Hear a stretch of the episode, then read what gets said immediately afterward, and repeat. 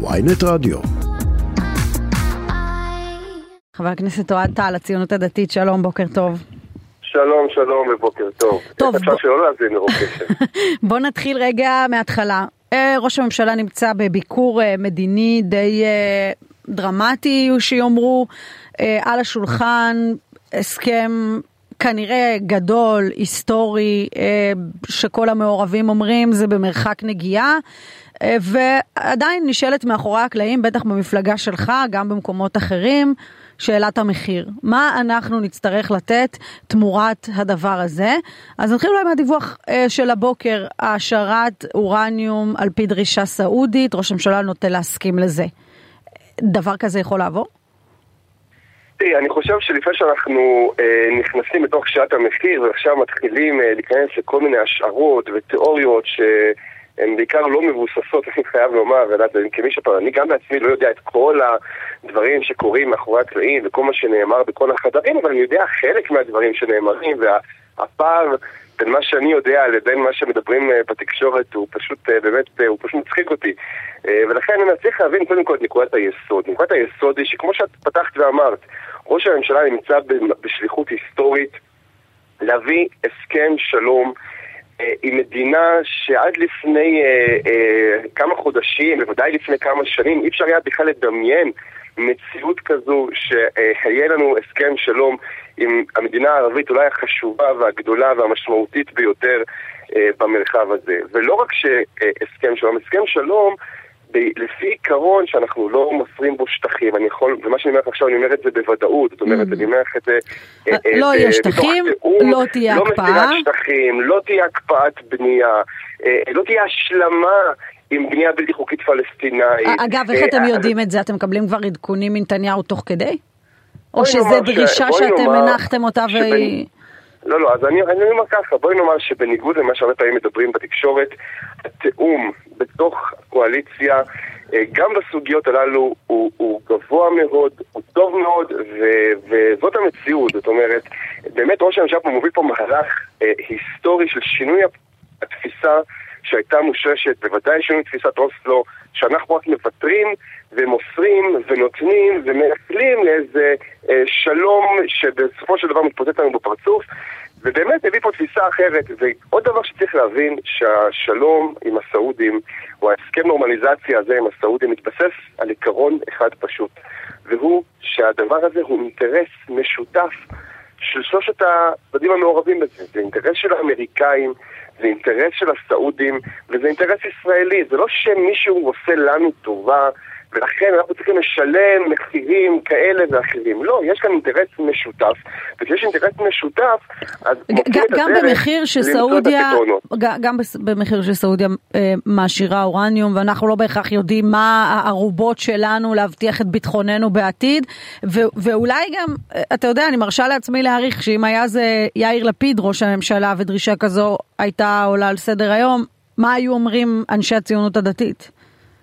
אז שוב פעם אני אומר, את נכנסת כבר להשערות על מה המחירים ש, אה, שאת כבר מניחה אותם, אז אני אומר לך שכחלק מהנחות היסוד, אם כבר רוצים להניח אוקיי. הנחות יסוד, הנחות היסוד היא שמדינת ישראל אה, אה, לא תוותר ולא תידרש לוותר על שום אינטרס ביטחוני או מדיני שחשוב לה. וכל דבר... הנחות היסוד שלנו, של לא דבר- בטוח, ש, לא בטוח שבצד האמריקאי רואים עין בעין את ה, צורת ההתנהלות מול, אה, מול הסעודים. אז אני שוב פעם אומר, קטנה, לא צריך להקשיב, לא, לא צריך להאמין למה שאני אומר. אוקיי. אפשר להאמין למה ששמענו אתמול, את, אה, את יורש העצר הסעודי, אומר בקולו, כשהוא אה, אה, בא ואומר בקולו שההסכם הזה כל יום הולך ומתקרב, ובשונה ממה שפורסם, לא הייתה עצירה של המשא ומתן. וכשהוא מדבר, התייחס לפלסטינאים, הוא מתייחס לזה... אה, אה, אה, אז לא- אנחנו לא פה, שתי אתה ואני. מדברים בשני נתיבים, אתה מדבר בשאלת ההישג, אני מדברת את, את שאלת המחיר, ואנחנו לא מצטלבים לא, פה. אז, לא, לכן אני אומר לך, אבל את כבר מחליטה שיש אוקיי. מחירים. לכן אני אומר, אם אנחנו. מבינים, אה, זה, זה באמת שינוי תפיסה. באמת שאנחנו כן. התרגלנו לחשוב 30 שנה בתפיסת אוסלו, שאנחנו משלמים מחיר תמורת איזושהי טובה שמישהו עושה לנו.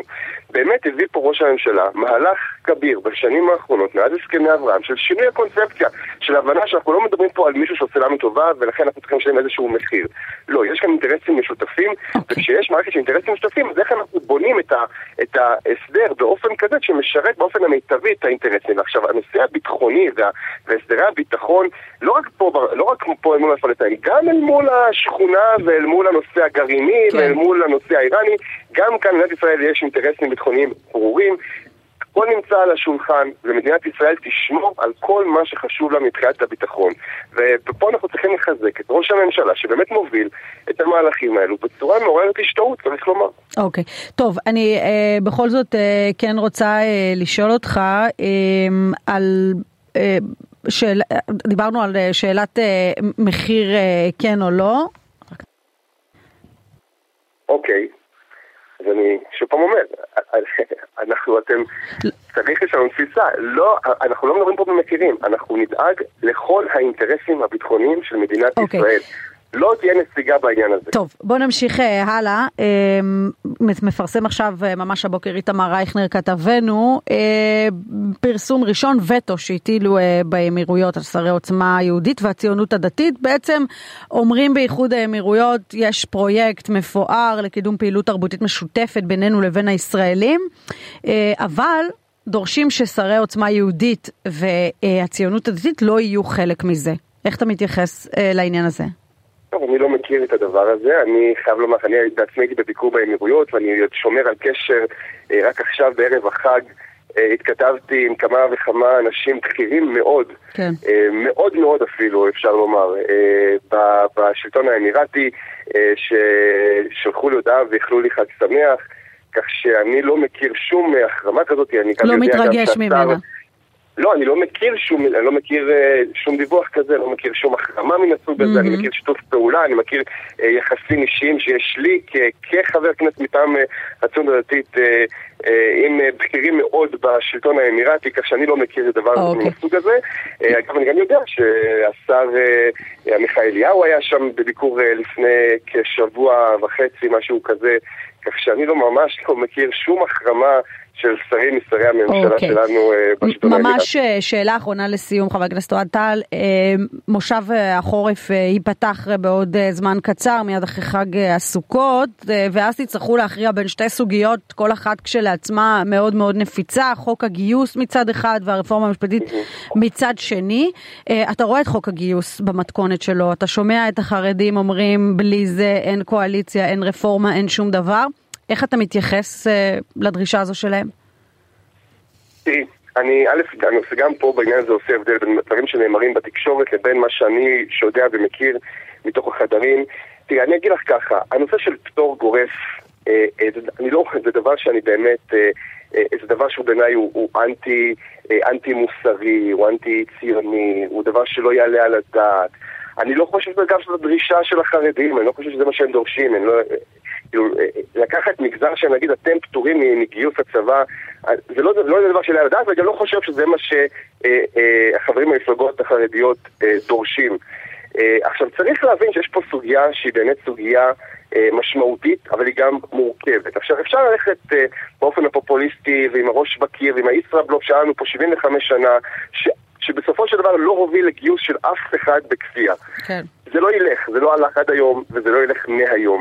אה, אה, הדרך... אז הנוסח הזה הדרך צריך לעבור תיקונים?